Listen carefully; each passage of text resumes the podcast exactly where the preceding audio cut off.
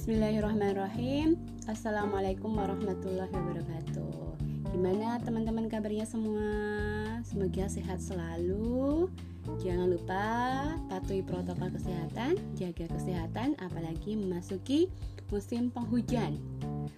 Pada pertemuan kedua ini, kita akan membahas teori-teori organisasi dan implikasinya terhadap komunikasi pertemuan pertama kemarin selain kita membahas tentang kontrak perkuliahan, kita juga membahas tentang konsep komunikasi organisasi di mana dalam konsep komunikasi organisasi itu ada pengertian organisasi, ciri organisasi, tujuan organisasi serta unsur-unsur organisasi. Pada kesempatan kali ini kita akan membahas tentang teori-teori organisasi. Teori organisasi adalah bagaimana teori itu menerangkan atau meramalkan bagaimana organisasi dan orang di dalamnya berperilaku dalam berbagai struktur organisasi, budaya, dan lingkungan untuk mencapai tujuan pada perkuliahan lalu atau perkuliahan dasar-dasar manajemen yang ikut kelasnya Bu Ririn sudah kita bahas tentang struktur organisasi. Apa sih struktur organisasi itu? Gunanya apa sih struktur organisasi itu? Nah, struktur organisasi itu dibuat untuk mempermudah bagaimana organisasi itu menjalankan kinerjanya, dibagi kerjanya yang produksi mengerjakan produksi, yang marketing mengerjakan marketing dan sebagainya. Budaya, apa sih budaya organisasi itu? Budaya organisasi adalah suatu kesepakatan atau suatu persamaan yang dilakukan secara terus-menerus oleh orang-orang yang ada di dalam organisasi tersebut sehingga membentuk suatu budaya ketika ada orang yang masuk atau ingin bergabung dalam organisasi tersebut, maka dia harus menyesuaikan dengan budaya yang ada di dalam organisasi tersebut. Sedangkan lingkungan adalah area sekitar di mana organisasi tersebut didirikan. Lingkungan ini biasa juga uh, disebut dengan masyarakat misalkan. Kalau di organisasi tersebut atau masyarakatnya itu melarang untuk uh, rame-rame sampai jam 9 malam, maka organisasi itu juga harus menyesuaikan dengan lingkungan tersebut. Nggak boleh sampai pukul 9 malam ketika mengadakan kegiatan atau harus mempunyai uh, izin khusus ketika akan mengadakan kegiatan sampai melebihi pukul 9 malam. Pengertian menurut Lobis dan Hussein, teori organisasi merupakan sekumpulan ilmu pengetahuan yang membicarakan mekanisme kerja sama antara dua orang atau lebih secara sistematis guna mencapai tujuan yang ditentukan. Teori organisasi mencari pemahaman tentang prinsip-prinsip yang membimbing bagaimana organisasi-organisasi beroperasi, berkembang, dan berubah. Teori organisasi ini biasanya diciptakan karena melihat studi kasus di dalam suatu organisasi. Makanya sudah bisa diramalkan seperti tadi, ketika menggunakan cara A, maka kemungkinan besar hasilnya akan menjadi A. Ketika menggunakan cara C, maka kemungkinan juga hasilnya akan C. Ketika cara A digunakan tapi hasilnya itu tidak bisa A, itu menjadi suatu permasalahan dan dan perlu dikaji ulang. Nanti kita akan bahas itu di dalam teori organisasi ini kita akan membahas tiga uh, apa namanya? Tiga babak. Pertama teori klasik. Yang kedua teori transisional atau perilaku. Dan yang ketiga teori mutakhir. Di dalam teori klasik ini kita akan membahas tentang teori organisasi sosial, organisasi formal, komunikasi jabatan dan hubungan formal, manajemen ilmiah, manajemen administrasi, dan teori birokrasi. Cukup banyak ya yang kita bahas di teori klasik.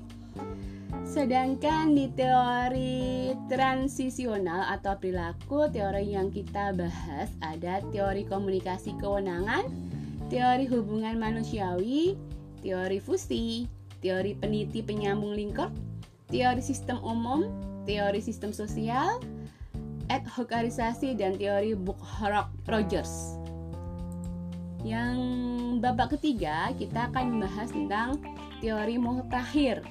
Ada empat teori yang kita bahas, yakni yang pertama pengorganisasian, teori budaya organisasi, manajemen by objektif, dan yang terakhir manajemen ala Jepang.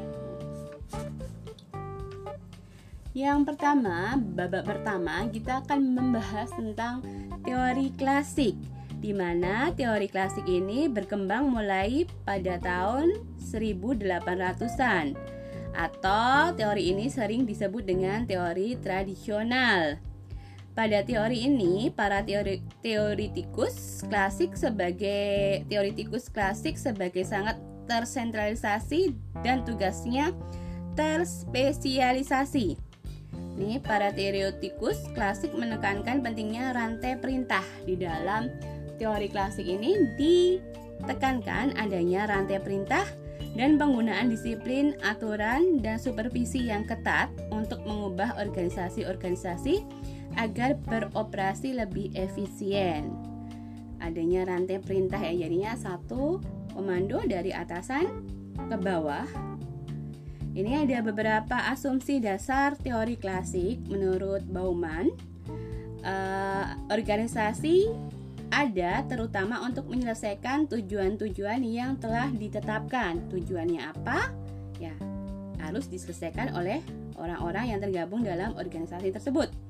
Selanjutnya, bagi suatu organisasi ada struktur yang tepat bagi tujuan, lingkungan, teknologi, dan partisipasinya. Yang ketiga, pekerjaan organisasi paling efektif bila ada tantangan lingkungan dan kepentingan pribadi terhalang oleh norma-norma rasionalitas. Jadinya di sini kepentingannya bukan kepentingan pribadi lagi, tapi kepentingan organisasi. Yang keempat, adanya spesialisasi di mana dengan spesialisasi ini akan meningkatkan taraf keahlian dan performa dari individu tersebut. Misalkan ketika kalian mempunyai spes, eh, misalkan kalian dari jurusan ilmu komunikasi, tetapi kalian atau mempunyai nilai plus di bidang desain. Makanya ketika kalian ditempatkan di bidang misalkan di bidang humas ya, kalian akan ditempatkan di bidang humas yang mendesain tadi misalkan. Terus yang kelima, koordinasi dan kontrol. Paling baik melalui praktek otoritas dan aturan-aturan yang tidak bersifat pribadi. Yang keenam, adanya struktur dapat dirancang secara sistematis dan dapat dilaksanakan. Dan yang terakhir, Masalah-masalah organisasi biasanya merefleksikan struktur yang tidak tepat dan dapat diselesaikan melalui perencana, perancangan dan pengorganisasian kembali. Nah, tadi yang uh, saya ungkapkan, misalnya menggunakan cara A, harusnya kan hasilnya A, tetapi kenapa kok tidak A?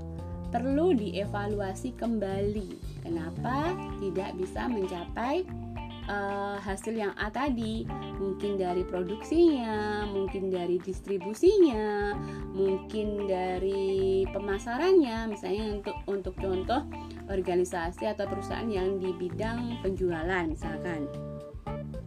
Dalam teori klasik ini tadi kita sudah bahas ya apa yang aja yang akan kita bahas. Langsung masuk ke teori organisasi sosial di mana dalam organisasi sosial ini akan membahas pada pola-pola interaksi sosial, yakni interaksi sosial ini meliputi adanya frekuensi dan lamanya kontak antara orang-orang, kecenderungan mengawali kontak atau arah pengaruh antara orang-orang, derajat kerjasama, perasaan tertarik, hormat dan permusuhan, dan perbedaan status. Dan uh, yang kedua, selain uh, interaksi sosial, kita juga membahas tentang regularitas, di mana perilaku sosial orang-orang yang disebabkan oleh situasi sosial mereka baik oleh karakteristik fisiologis atau psikologis mereka sebagai individu. Nih yang kita bahas di dalam organisasi sosial. Terus masuk ke teori yang kedua, organisasi formal di mana organisasi formal ini biasanya disebut dengan birokrasi. Organisasi formal terbentuk atau didirikan dengan sengaja untuk pencapaian tujuan-tujuan tertentu. Organisasi ini dirancang untuk mengordinasikan kegiatan-kegiatan banyak individu dan untuk memberikan rangsangan kepada orang-orang lain untuk membantu mereka.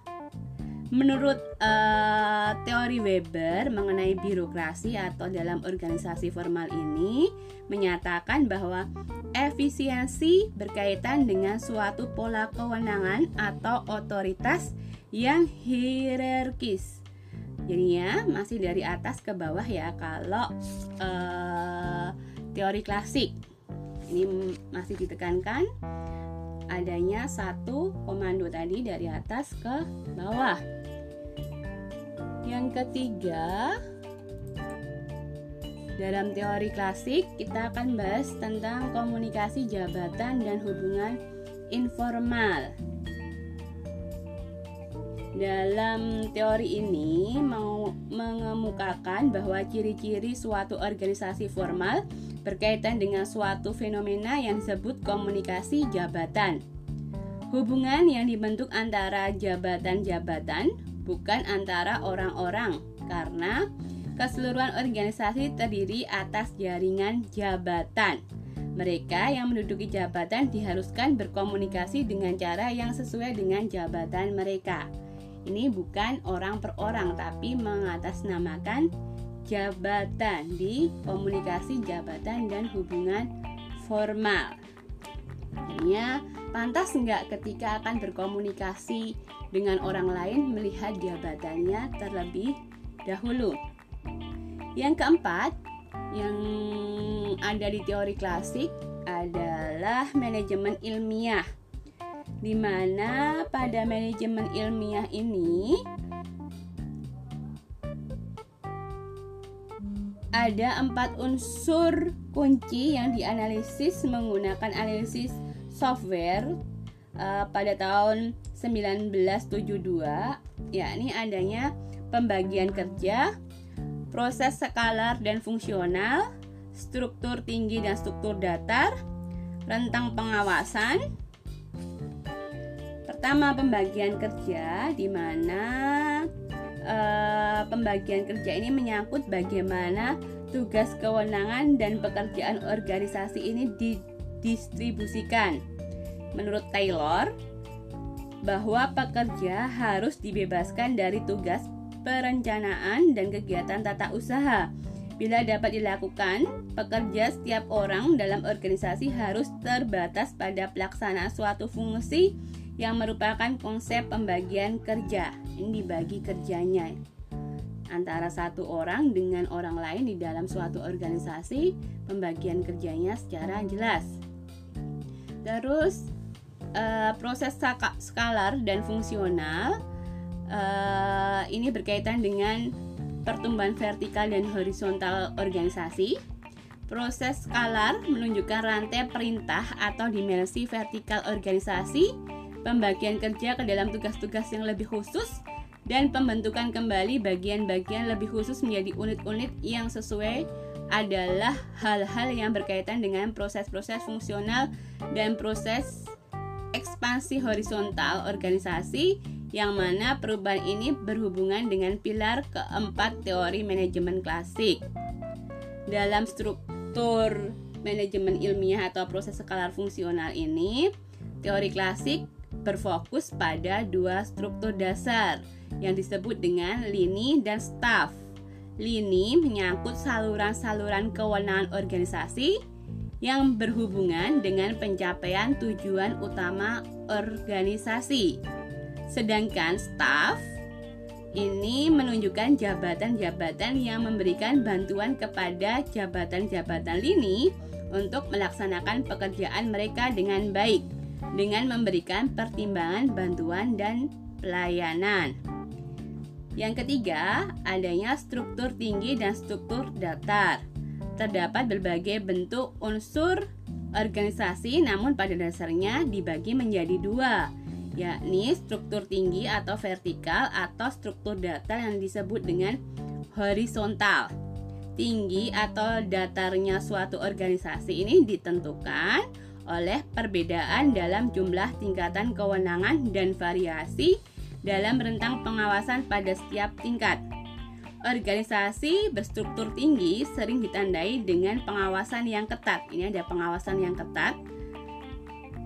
Semangat kelompok persaingan melalui hubungan pribadi, pertambahan tanggung jawab secara bertahap, ketidaknyamanan yang konstan mengenai status, penekanan pada teknik manajemen, dan banyak peraturan.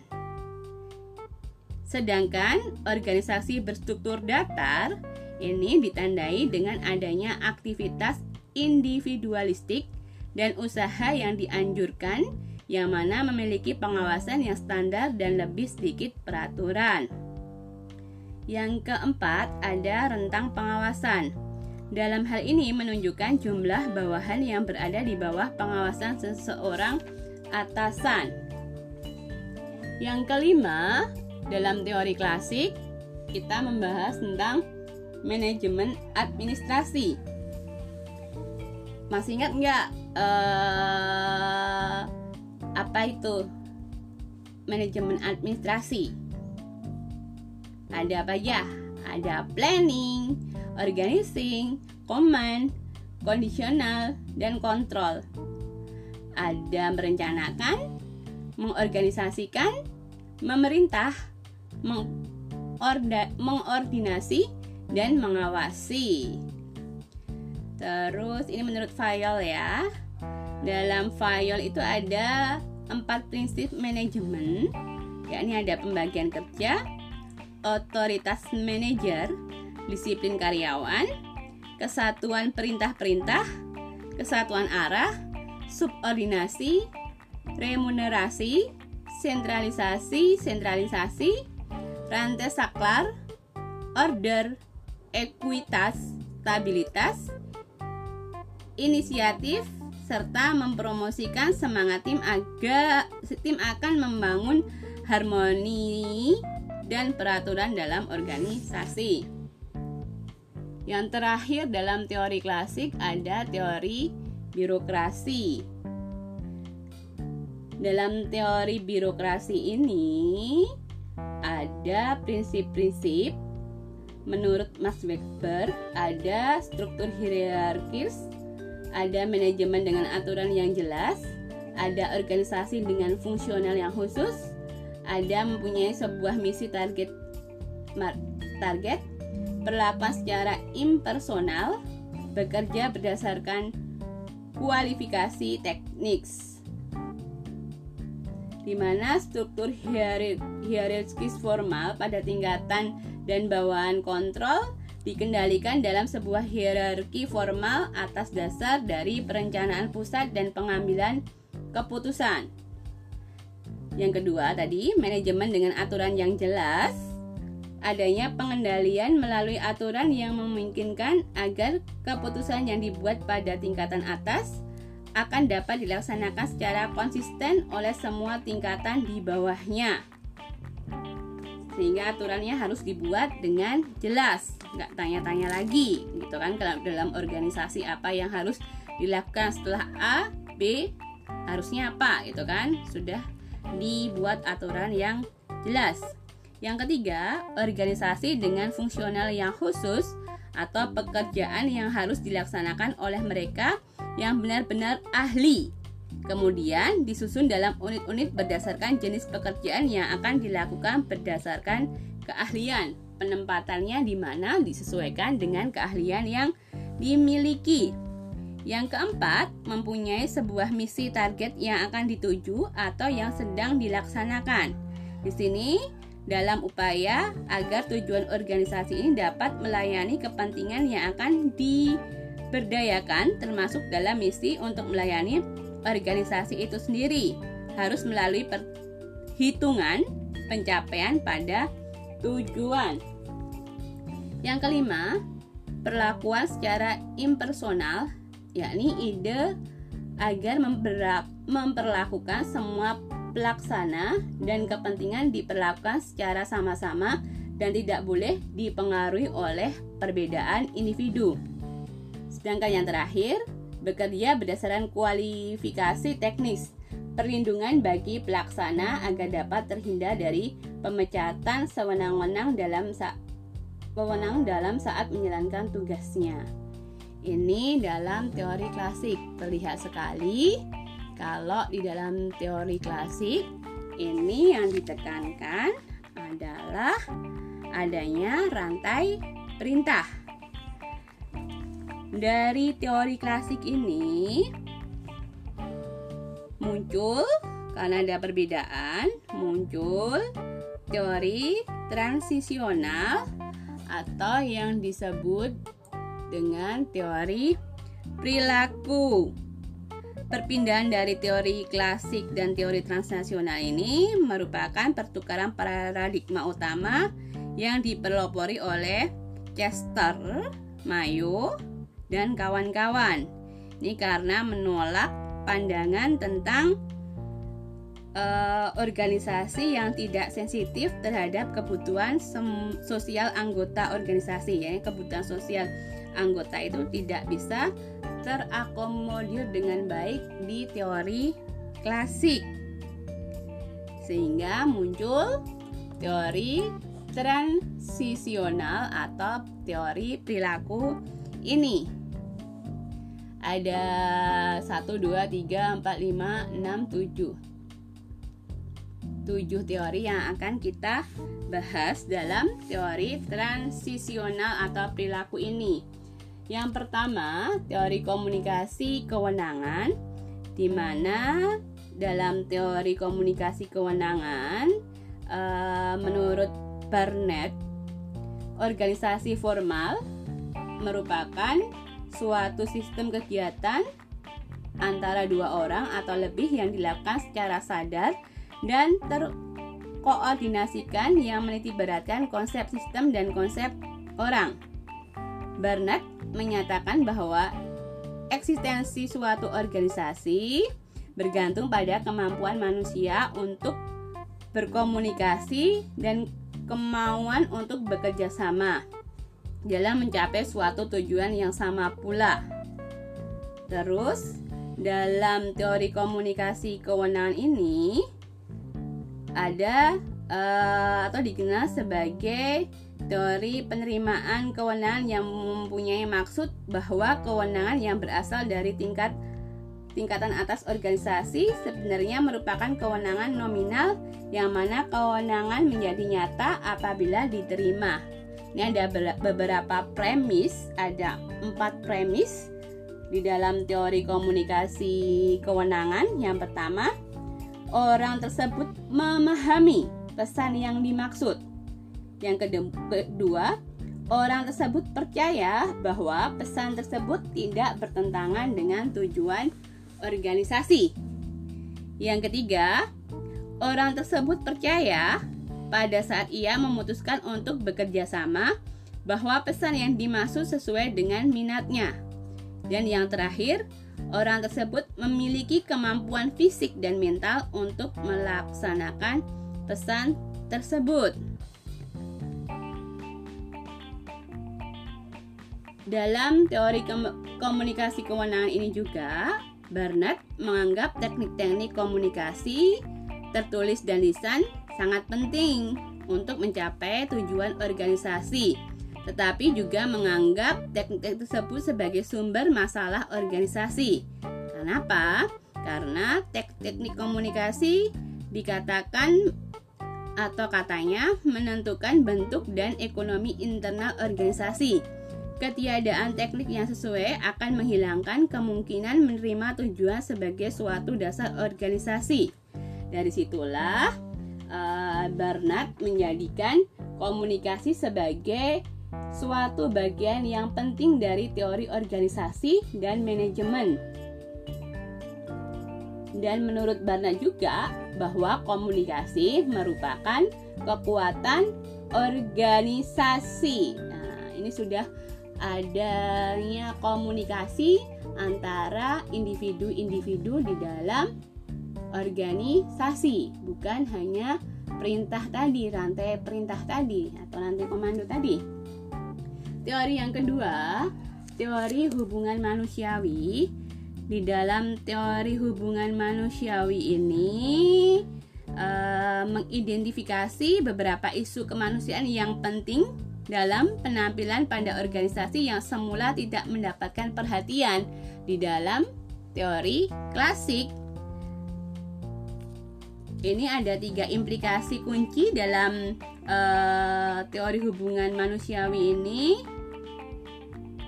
yakni yang pertama pengaruh penelitian terhadap produksi kerja ini menunjukkan adanya pengaruh komunikasi manusia terhadap perilaku anggota organisasi. Implikasinya bahwa pekerja dipengaruhi melalui komunikasi menjadi bagian yang amat penting pada bidang komunikasi organisasi. Yang kedua, adanya pengaruh positif terhadap wawancara atau interview kepada pekerja mengarahkan kepada identifikasi mengenai komunikasi ke atas atau komunikasi dari bawah ke atas dan sebaliknya dari pekerja ke atas sebagai aktivitas organisasi yang berguna.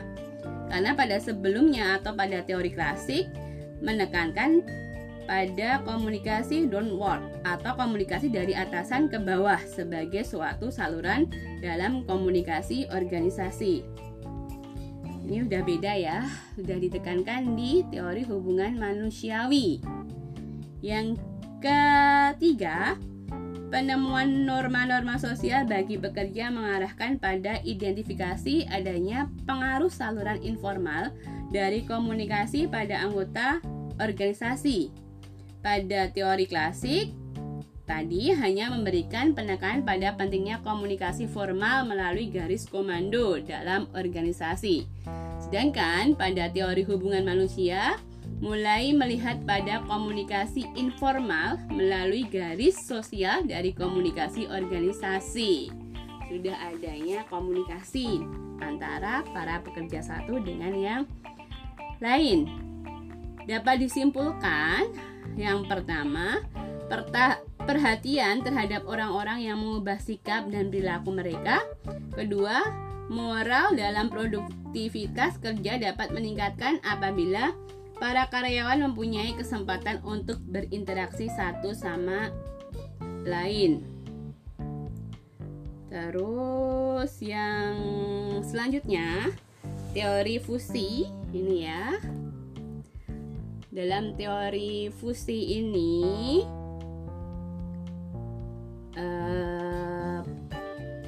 menekankan atau berpendapat bahwa organisasi hingga suatu tahap tertentu mempengaruhi individu. Sementara pada saat yang sama individu pun mempengaruhi organisasi. Karena ada simbiosis ya, saling mempengaruhi satu dengan yang lain. Hasilnya adalah suatu organisasi yang dipersonalisasikan oleh setiap individu, pegawai dan individu-individu yang di disosialisasikan oleh organisasi. Karena itu, setiap pegawai menunjukkan ciri-ciri organisasi dan setiap jabatan tampak unik setiap, seperti individu yang mendudukinya. Jadinya sudah mempunyai karakter tertentu atau karakter sendiri ketika uh, orang menduduki jabatan. Makanya uh, ada orang yang mempunyai karakter berbeda-beda ketika memerintah suatu atau menduduki suatu jabatan. Oh kok caranya bapaknya itu kok tegas ya? Yang itu kok caranya uh, slow ya kok yang itu caranya kok nggak uh, nggak beraturan ya karena di dalam uh, teori ini sudah uh, jabatan itu sudah dipengaruhi oleh karakter individu yang menduduki jabatan tersebut.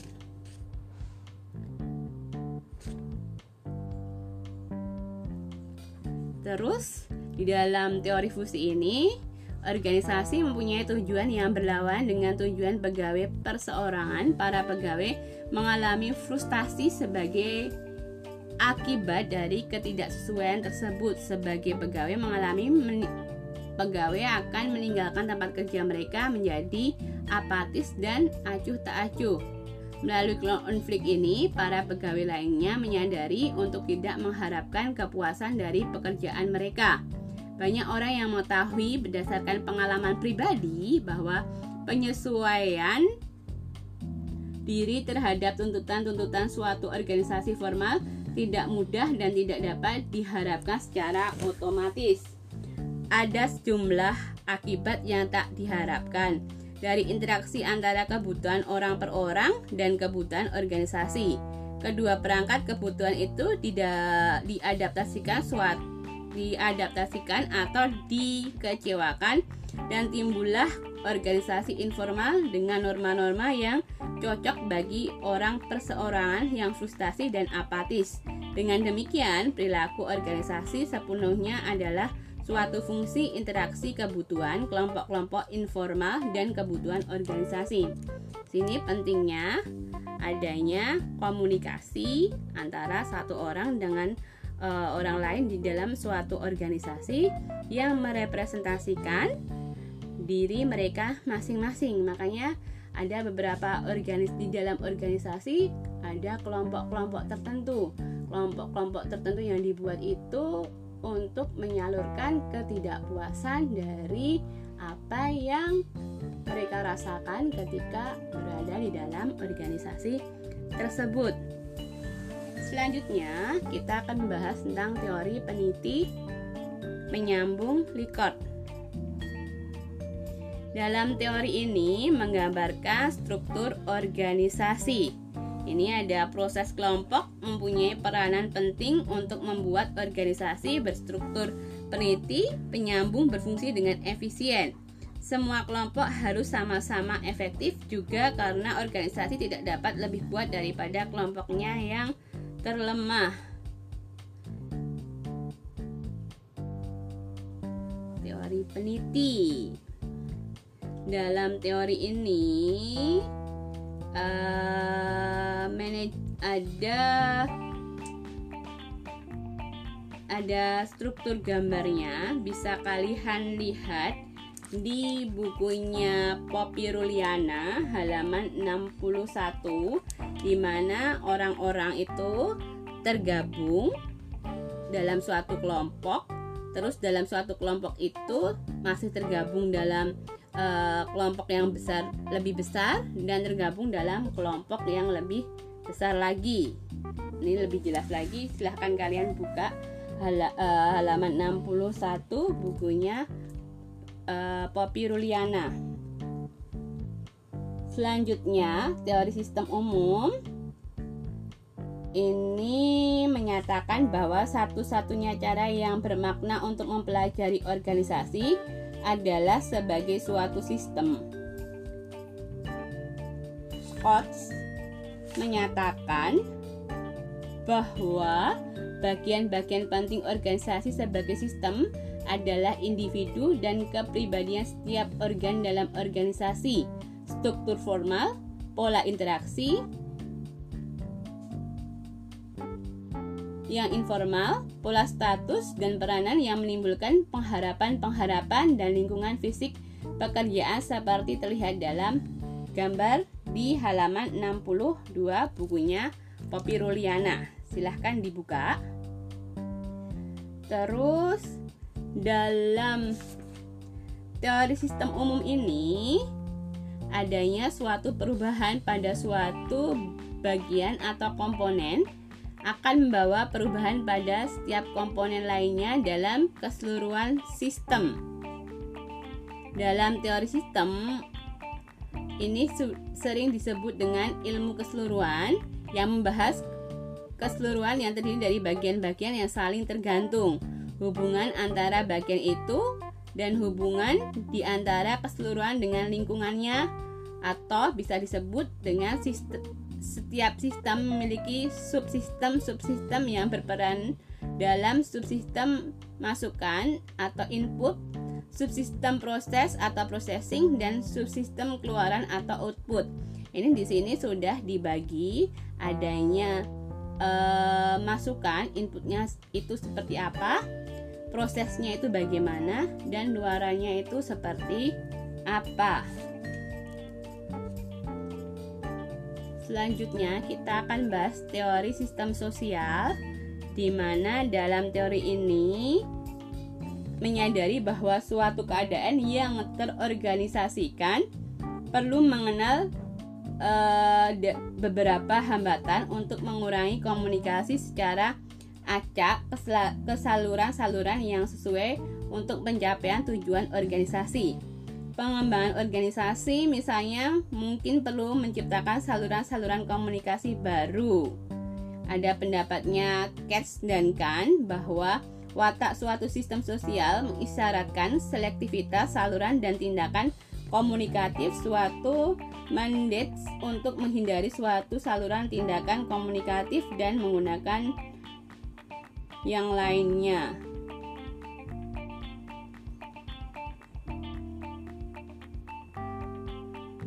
Scott mengatakan bahwa organisasi terdiri dari bagian-bagian yang saling berkomunikasi antara yang satu dengan yang lain, menerima pesan-pesan dari dunia luar, dan menyimpan informasi. Fungsi komunikasi bagian-bagian ini sekaligus merupakan konfigurasi yang menggambarkan sistem secara keseluruhan. Ini di sini uh, di dalam teori sistem sosial ini komunikasi itu sangat berperan sekali di mana sistem sosial ini dipengaruhi dari komunikasi yang dilakukan. Yang terakhir, teori adokrasi dan teori Brooks Rogers ini membahas tentang organisasi matrik, organisasi kisi-kisi, organisasi proyek, dan organisasi advokasi, yakni organisasi-organisasi komunikasi saat ini dan masa depan. Dalam keadaan demikian, studi komunikasi adalah studi organisasi. Manajemen dalam konfigurasi matrik dan kisi-kisi adalah praktik komunikasi organisasi.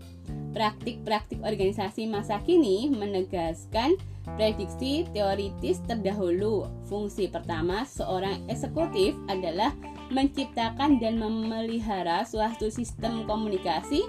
Komunikasi sistem adalah organisasi, komunikasi organisasi adalah teori Buxroger mengenai organisasi. Yang terakhir, kita belajar tentang teori mutakhir. Teori mutakhir ini muncul karena akibat dari adanya ketidakpuasan dari dua teori sebelumnya, yakni teori klasik dan teori transisional atau perilaku. Teori ini muncul pada tahun 1950. Uh, di dalam teori mutakhir ini sering juga disebut dengan teori modern atau teori analisis sistem atau teori terbuka. Ini memadukan antara teori klasik dan teori transisional atau perilaku. Dalam teori ini melihat bahwa semua unsur organisasi sebagai suatu kesatuan yang saling bergantung dan tidak bisa dipisahkan. Organisasi bukan sistem tertutup yang berkaitan dengan lingkungan yang stabil.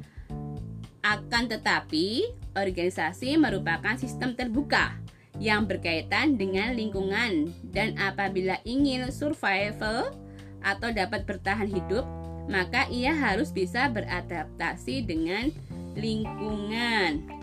teori mutakhir ini lahir sebagai cerminan adanya perubahan tentang teori organisasi yang selama ini dianut yang memberikan atau yang menggambarkan aspek-aspek subjektif dan membahas beberapa implikasinya terhadap komunikasi organisasi.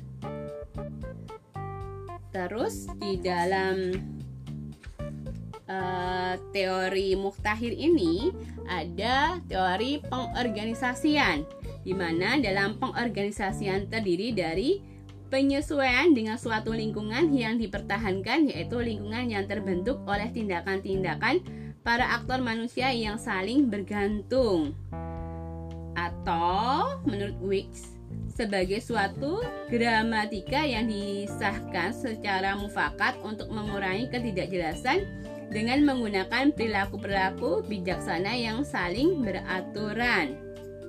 Uh, untuk tugas pada pertemuan uh, kali ini, silahkan kalian cari tentang proses pengorganisasian menurut Wicks tahun 1979 ini ada tiga tahap. Jelaskan apa aja tiga tahap itu. Sebutkan dan jelaskan tiga tahap itu seperti apa dan berikan contoh ya di organisasi yang pernah kalian ikuti. Sudah paham kan organisasi itu apa dan apa bedanya dengan kelompok? Nah, ini kalian bisa menyebutkan tiga tahap dalam proses pengorganisasian dan jelaskan serta berikan contoh komentar di ilmu ya. Selanjutnya kita akan belajar tentang teori budaya organisasi. Di dalam teori budaya organisasi ini mencakup simbol komunikasi. Dalam simbol komunikasi itu meliputi tindakan, rutinitas, dan percakapan dan makna yang dilekatkan orang terhadap simbol tersebut. Kan orang melihat itu dari apa yang terlihat atau dari simbol tersebut. Terus dalam asumsi teori budaya organisasi ini ada beberapa asumsi dasar yakni yang pertama anggota-anggota organisasi menciptakan dan mempertahankan perasaan yang dimiliki bersama mengenai realitas organisasi yang berakibat pada pemahaman yang lebih baik mengenai nilai-nilai sebuah organisasi. Inti dari asumsi ini adalah nilai yang dimiliki organisasi Nilai merupakan standar dan prinsip-prinsip yang terdapat dalam sebuah budaya. Yang kedua, penggunaan dan interpretasi simbol sangat penting dalam budaya organisasi. Ketika seorang dapat memahami simbol tersebut, maka seorang akan mampu bertindak menurut budaya organisasinya. Yang ketiga, budaya bervariasi dalam organisasi-organisasi yang berbeda dan interpretasi tindakan dalam budaya ini juga beragam. Setiap organisasi memiliki budaya yang berbeda-beda, dan setiap individu dalam organisasi tersebut menafsirkan budaya tersebut dengan cara yang berbeda. Oke, yang selanjutnya kita akan mempelajari tentang teori MBO atau manajemen by objektif di mana dalam MBO ini atau artinya MBO ini merupakan proses di mana manajem manajer dan bawahannya bekerja sama-sama atau bekerja secara bersama-sama untuk mengidentifikasi tujuan, merumuskan tujuan, dan merumuskan rencana untuk mencapai tujuan. dan ini harus konsisten dengan tujuan dari organisasi. Ya, suatu organ atau manajemen atau manajer itu punya cara yang dibuat secara bersama-sama dengan karyawan untuk mencapai tujuan atau sesuai dengan tujuan dari organisasi. Intinya dalam MBO ini adalah penetapan tujuan partisipatif, memilih tindakan dan pengambilan keputusan, serta bagian penting dari MBO ini adalah pengukuran dan perbandingan kinerja aktual karyawan dengan standar yang ditetapkan. Idealnya ketika karyawan sendiri pernah terlibat dalam penempatan penetapan tujuan dan memilih tindakan yang harus diikuti oleh mereka, mereka lebih mungkin untuk memenuhi tanggung jawab mereka.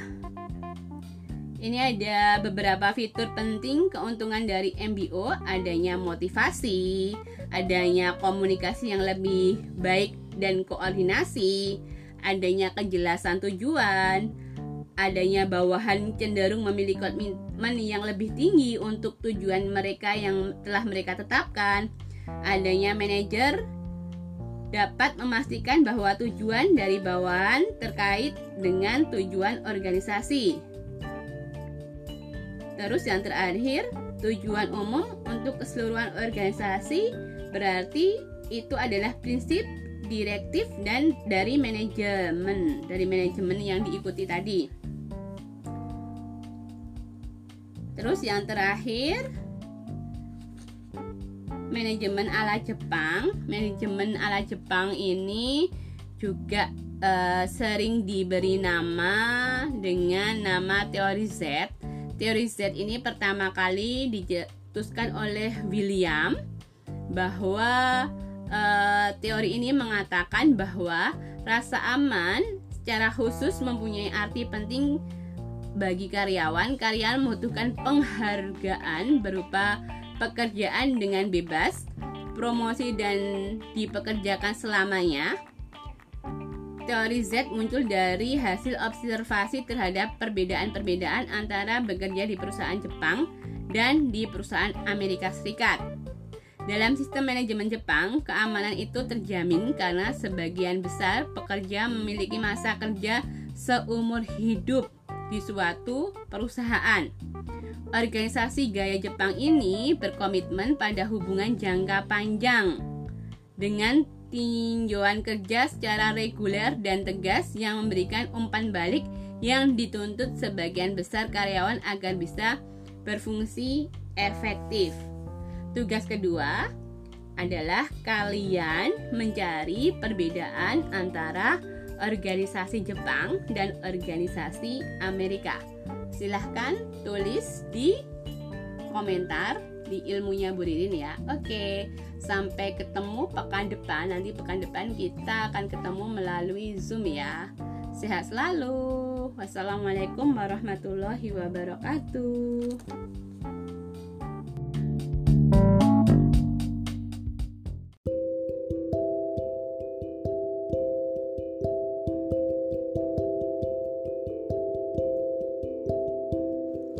Bismillahirrahmanirrahim. Assalamualaikum warahmatullahi wabarakatuh.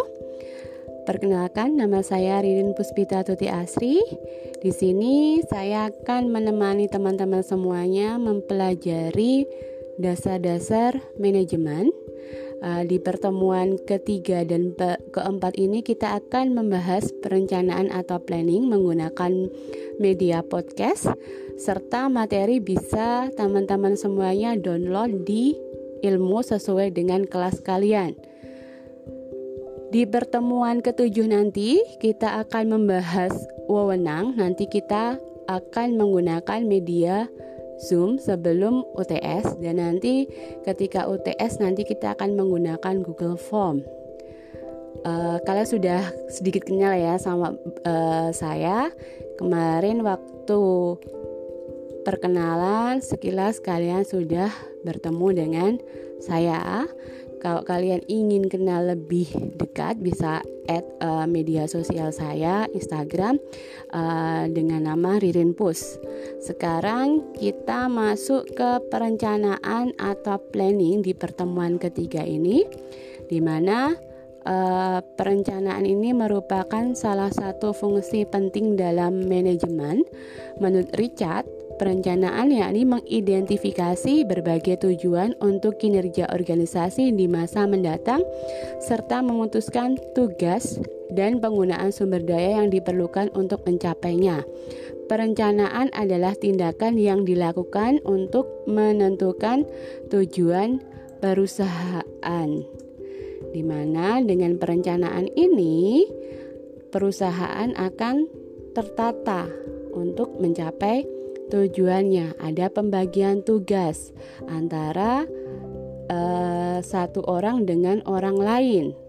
Ada penggunaan sumber daya apa aja sih yang diperlukan oleh perusahaan misalkan perusahaannya e, bergerak di bidang makanan menjual keripik pisang misalkan ada bagian yang membeli pisangnya, ada yang bagian memproduksi pisangnya, ada yang bagian mengemas uh, produknya, ada yang bagian menjual, ada yang bagian promosi.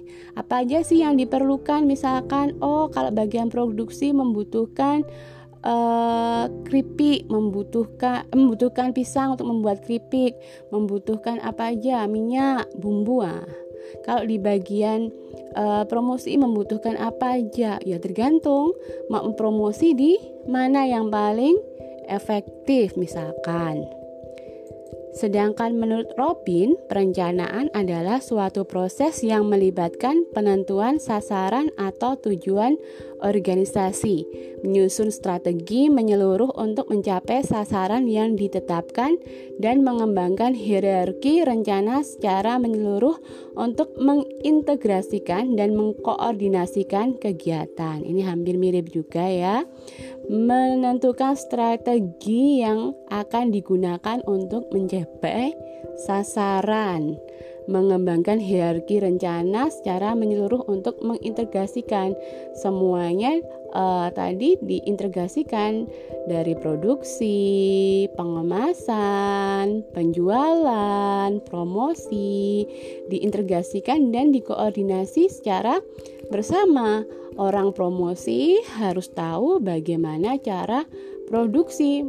Misalkan keripiknya itu tidak digoreng, dipanggang. Nah, di bagian promosi harus tahu kalau keripiknya itu misalkan bebas e, lemak misalkan karena tidak melalui proses penggorengan tapi melalui pemanggangan misalkan. Sehingga promosinya juga harus e, sesuai dengan waktu produksi mengedepankan keunggulan dari produk tersebut.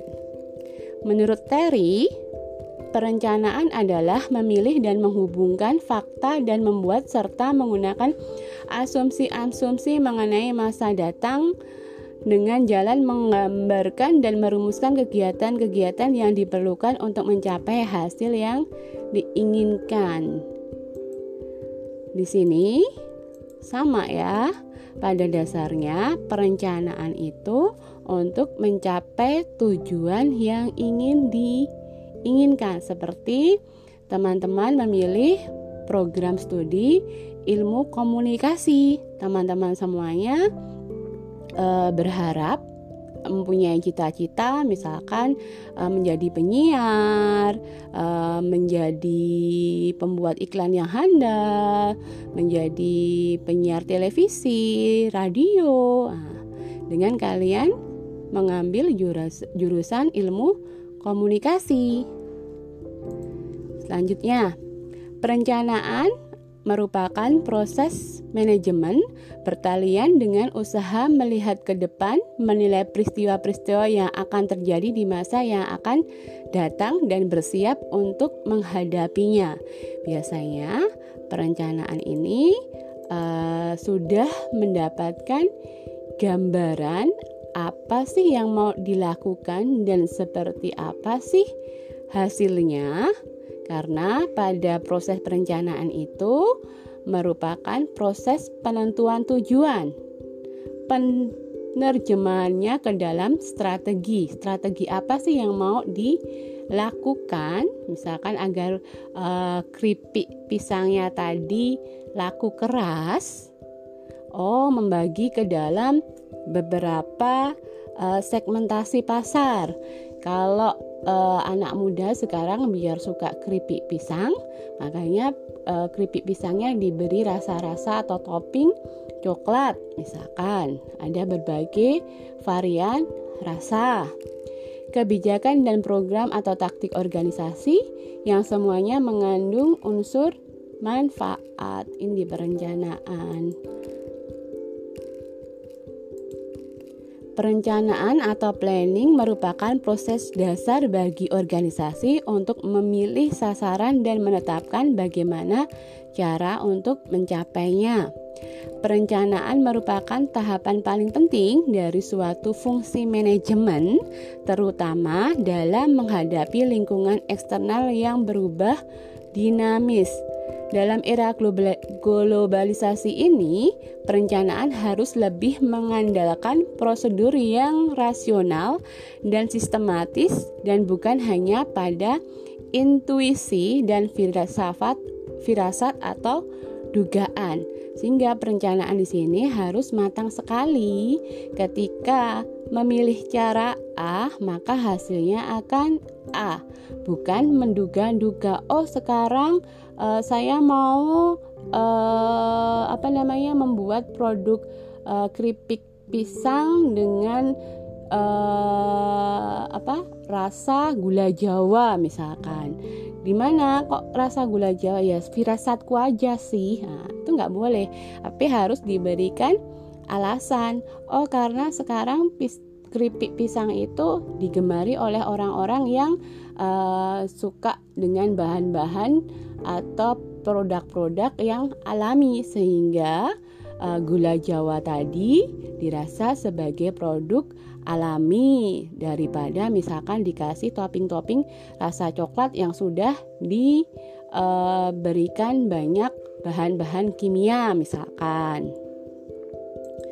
Terus Perencanaan adalah proses mengidentifikasi tujuan organisasi, membuat strategi untuk mencapai tujuan itu, dan mengembangkan rencana aktivitas kerja organisasi, di mana perencanaan merupakan proses terpenting dari semua fungsi manajemen, karena tanpa perencanaan, fungsi-fungsi lain pengorganisasian, pengarahan, dan pengontrolan tak dapat bekerja dengan lancar. Ini menurut uh, Hani Handoko. Di dalam uh, tahap dasar perencanaan ini ada empat tahap, di mana ada tahap satu menentukan tujuan, tahap kedua merumuskan keadaan sekarang, tahap ketiga mengidentifikasikan kemudahan dan hambatan, Tahapan keempat, mengembangkan serangkaian kegiatan. Di mana keempat tahapan ini dilakukan untuk mencapai tujuan. Di tahap pertama ini menentukan menetapkan tujuan dan serangkaian tujuan. Ini berarti Perencanaan dimulai dengan keputusan-keputusan tentang keinginan atau kebutuhan organisasi itu apa aja, atau kelompok kerja yang dibutuhkan itu apa aja. Tanpa rumusan tujuan yang jelas, organisasi akan menggunakan sumber daya sumber dayanya secara tidak efektif. Nah, ini untuk mengaktifkan apa yang dimiliki oleh perusahaan di tahap pertama ini agar lebih efektif. Di tahap kedua, merumuskan keadaan saat ini, di mana pemahaman akan posisi organisasi sekarang dari tujuan yang hendak dicapai atau sumber daya sumber daya yang tersedia untuk pencapaian tujuan adalah sangat penting karena tujuan rencana menyangkut waktu yang akan datang. Hanya setelah keadaan organisasi ini dianalisa, rencana dapat dirumuskan untuk menggambarkan rencana kegiatan lebih lanjut. Tahap kedua ini memerlukan informasi, terutama data keuangan dan data statistik yang dapat didapat melalui komunikasi dalam organisasi. Di tahap ketiga, ada mengidentifikasi segala kemudahan dan hambatan. yakni segala kekuatan dan kelemahan serta kemudahan dan hambatan perlu diidentifikasikan untuk mengukur kemampuan organisasi dalam mencapai tujuan. Oleh karena itu, perlu diketahui faktor-faktor lingkungan intern dan ekstern yang dapat membantu organisasi mencapai tujuannya atau yang mungkin menimbulkan masalah. Walaupun sulit dilakukan, antisipasi keadaan, masalah, dan kesempatan, serta ancaman yang mungkin terjadi di waktu mendatang adalah bagian esensi dari proses perencanaan. Di mana biasanya di tahap ketiga ini sudah menentukan SWOT. Nanti kalian akan belajar ini di perusahaan dia mempunyai kelebihan apa dibandingkan perusahaan yang lain ada tantangan apa? Ada kelebihan apa? Ada ancaman apa yang akan dihadapi? Ini sudah dirumuskan di tahapan ketiga. Di tahapan keempat, mengembangkan rencana atau serangkaian kegiatan untuk mencapai tujuan. Di tahap terakhir ini, dalam proses perencanaan, meliputi pengembangan berbagai alternatif kegiatan untuk pencapaian tujuan. Penilaian alternatif-alternatif tersebut dan pemilihan alternatif terbaik atau yang paling memuaskan di antara alternatif yang ada. Jadinya ada plan A, B, C, D. Yang paling bagus yang mana? Setelah mengidentifikasikan kemudahan dan hambatan, maka organisasi mengembangkan rencana yang telah ada guna untuk pencapaian tujuan seperti apa yang diinginkan. Jadinya, planning itu atau perencanaan itu sangat penting karena pentingnya perencanaan agar dapat melihat tugas-tugas yang dipergunakan untuk meningkatkan pencapaian tujuan di waktu yang akan datang, yaitu dapat meningkatkan pembuatan keputusan yang lebih baik.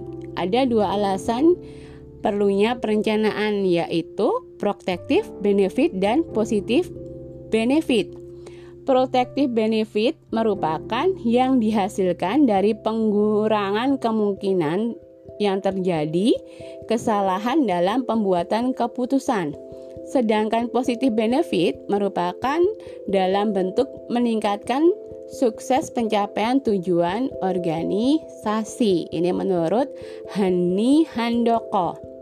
Perencanaan dibuat perlu memperhatikan sifat, manfaat, dan kelemahan. Meng, uh, ini menurut Harlot mengatakan bahwa perencanaan yang dibuat orang haruslah bersifat ada empat ya ini. Yang pertama, menyumbang pada pencapaian tujuan organisasi. Yang kedua, merupakan dasar tolak fungsi manajemen yang lain yaitu organisasi pengarah, koordinasi, dan pengawasan. Yang ketiga, merupakan fungsi dari setiap orang yang berada dalam organisasi, baik horizontal maupun vertikal. Yang keempat, efisien artinya bila dilaksanakan rencana tersebut dapat mencapai tujuan secara berhasil dengan biaya yang sekecil-kecilnya. Perencanaan pada hakikatnya merupakan pemilihan dari berbagai alternatif tujuan, strategi, kebijakan, taktik, prosedur, dan program-program. Inti dari perencanaan itu adalah pemilihan jalan yang akan ditempuh yang merupakan prinsip utama perencanaan. Jadinya perencanaan itu pilihan jalan yang paling mudah untuk mencapai tujuan yang akan dituju. Perusahaan mempunyai tujuan apa sih? Nah, untuk meningkatkan strategi penjualan dengan cara apa? Misalkan, oh sekarang promosinya diganti, nggak hanya promosi melalui media konvensional, misalkan nggak melalui TV, koran, radio. Sekarang menggunakan uh, misalkan media sosial.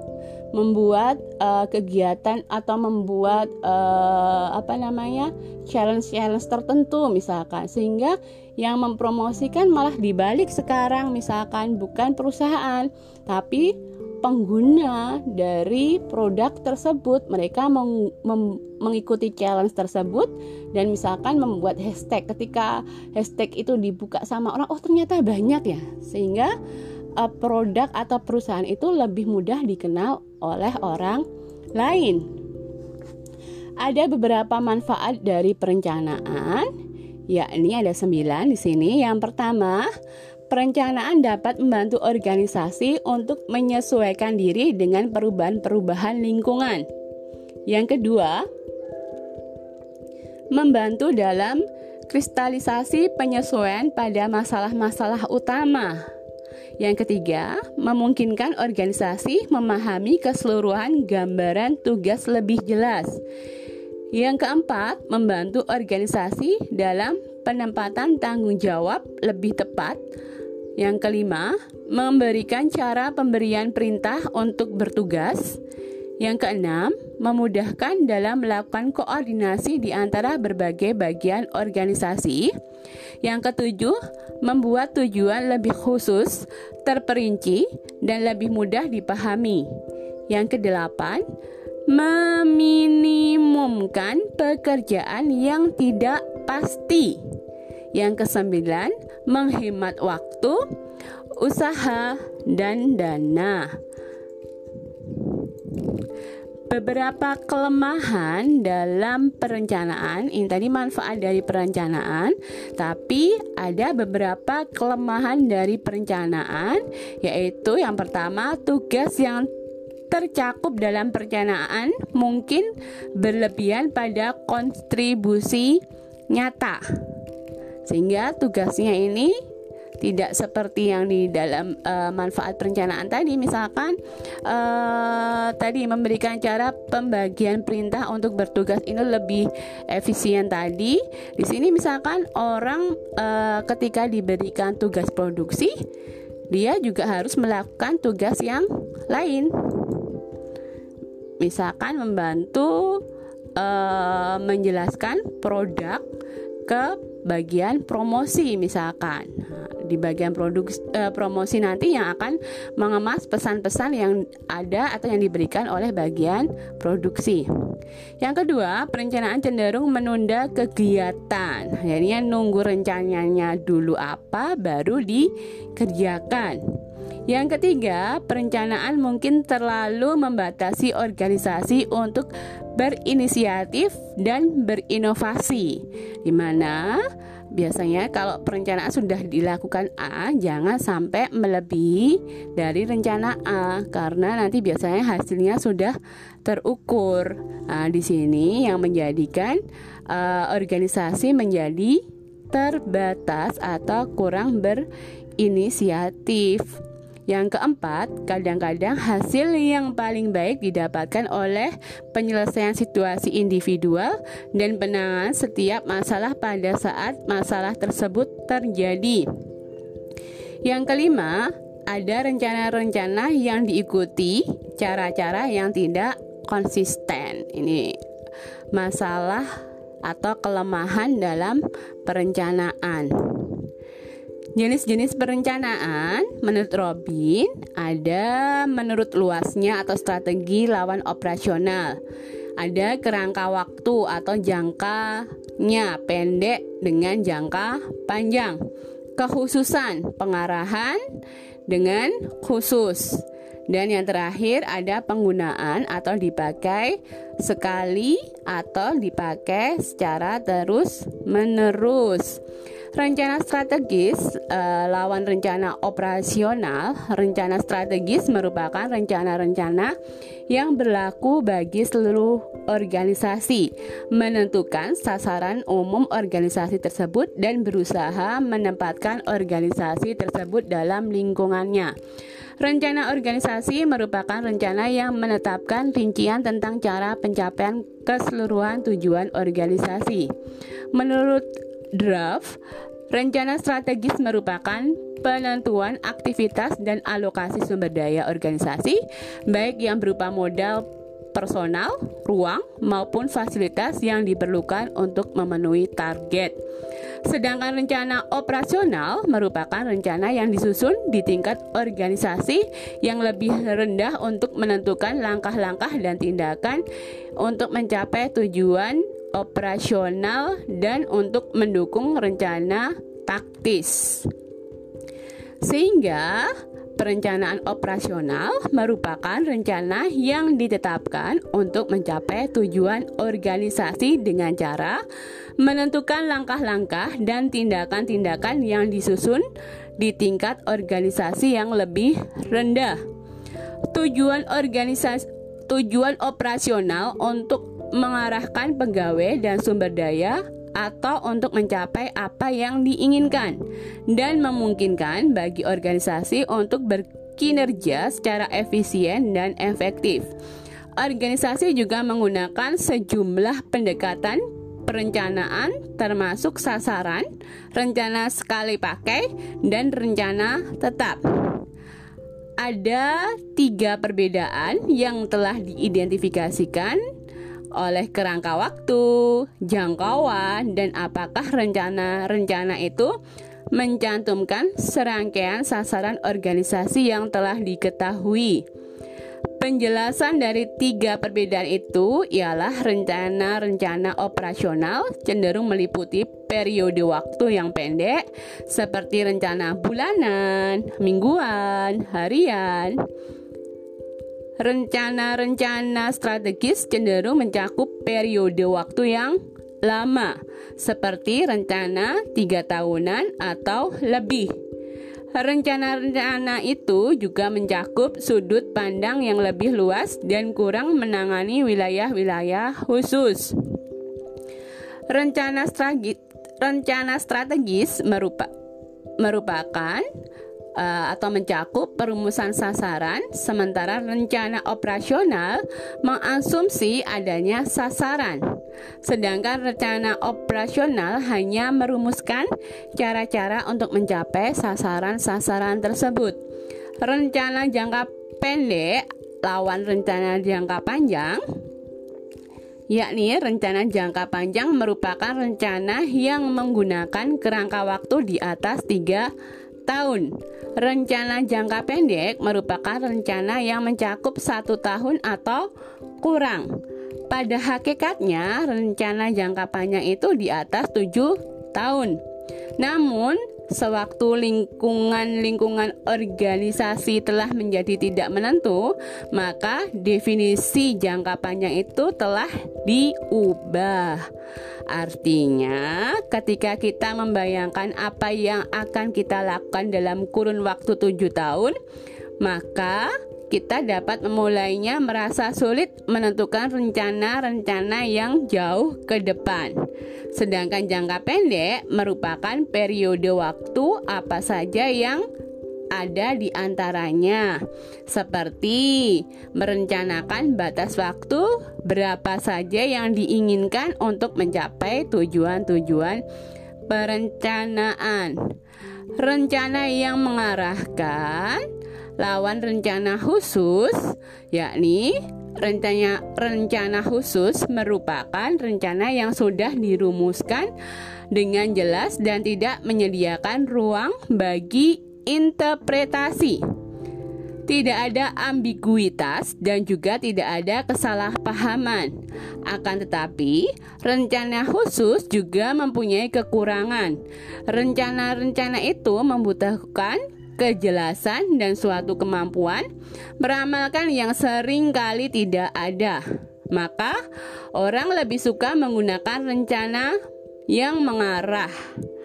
Rencana direksional atau yang disebut rencana mengarah merupakan rencana yang fleksibel yang menetapkan pedoman umum. Rencana-rencana ini mengarah tetapi tidak mengunci organisasi pada sasaran-sasaran khusus atau serangkaian tindakan. Menurut George uh, Stariner jenis perencanaan bila dilihat dari unsurnya ada aturan, prosedur, anggaran, program, kebijakan, strategi, tujuan, maksud, standar, dan program. Aturan ialah pernyataan bahwa kegiatan tertentu harus atau tak boleh dilakukan dalam situasi tertentu. Prosedur yaitu serangkaian penting yang terperinci untuk menjalankan kegiatan yang berurutan yang sering atau yang biasa terjadi. Anggaran adalah rencana yang dinyatakan dalam angka-angka biasanya merupakan pernyataan sumber daya keuangan yang ada untuk melaksanakan kegiatan khusus tertentu atau merupakan pernyataan alokasi sumber daya berbagai kegiatan-kegiatan. Program merupakan rencana sekali pakai yang meliputi serangkaian kegiatan dan berisi langkah untuk mencapai tujuan mereka yang bertanggung jawab untuk tiap langkah yang diambil serta usulan dan waktu langkah tersebut berakhir. Kebijaksanaan ialah pedoman umum untuk mengambil keputusan. Strategi merupakan program yang luas untuk mencapai tujuan organisasi sehingga misi dapat terlaksana. Tujuan yaitu segala sesuatu yang menjadi arah akhir yang dituju oleh organisasi dengan memanfaatkan rencana satu kali pakai dan atau rencana yang terus-menerus dipakai. Maksud sebagai bentuk perencanaan pokok suatu organisasi. Standar adalah suatu norma atau persyaratan yang biasanya berupa suatu dokumen formal yang merupakan kriteria, metode, proses, dan praktik rekayasa atau teknis yang seragam. Dapat ditarik kesimpulan bahwa jenis perencanaan bila dilihat dari unsurnya yaitu aturan, prosedur, anggaran, program, kebijakan, strategi, tujuan, maksud, standar, dan program dengan menggunakan luasnya strategi lawan operasional, kerangka waktu yakni jangka pendek lawan jangka panjang, kekhususan pengarahan lawan khusus dan penggunaan dipakai sekali atau lawan terus menerus. Sekian materi dari perencanaan atau planning. Pekan depan kita masih membahas tentang perencanaan dan planning. Selamat belajar dan materi bisa diunduh di ilmu sesuai dengan kelas. Assalamualaikum warahmatullahi wabarakatuh.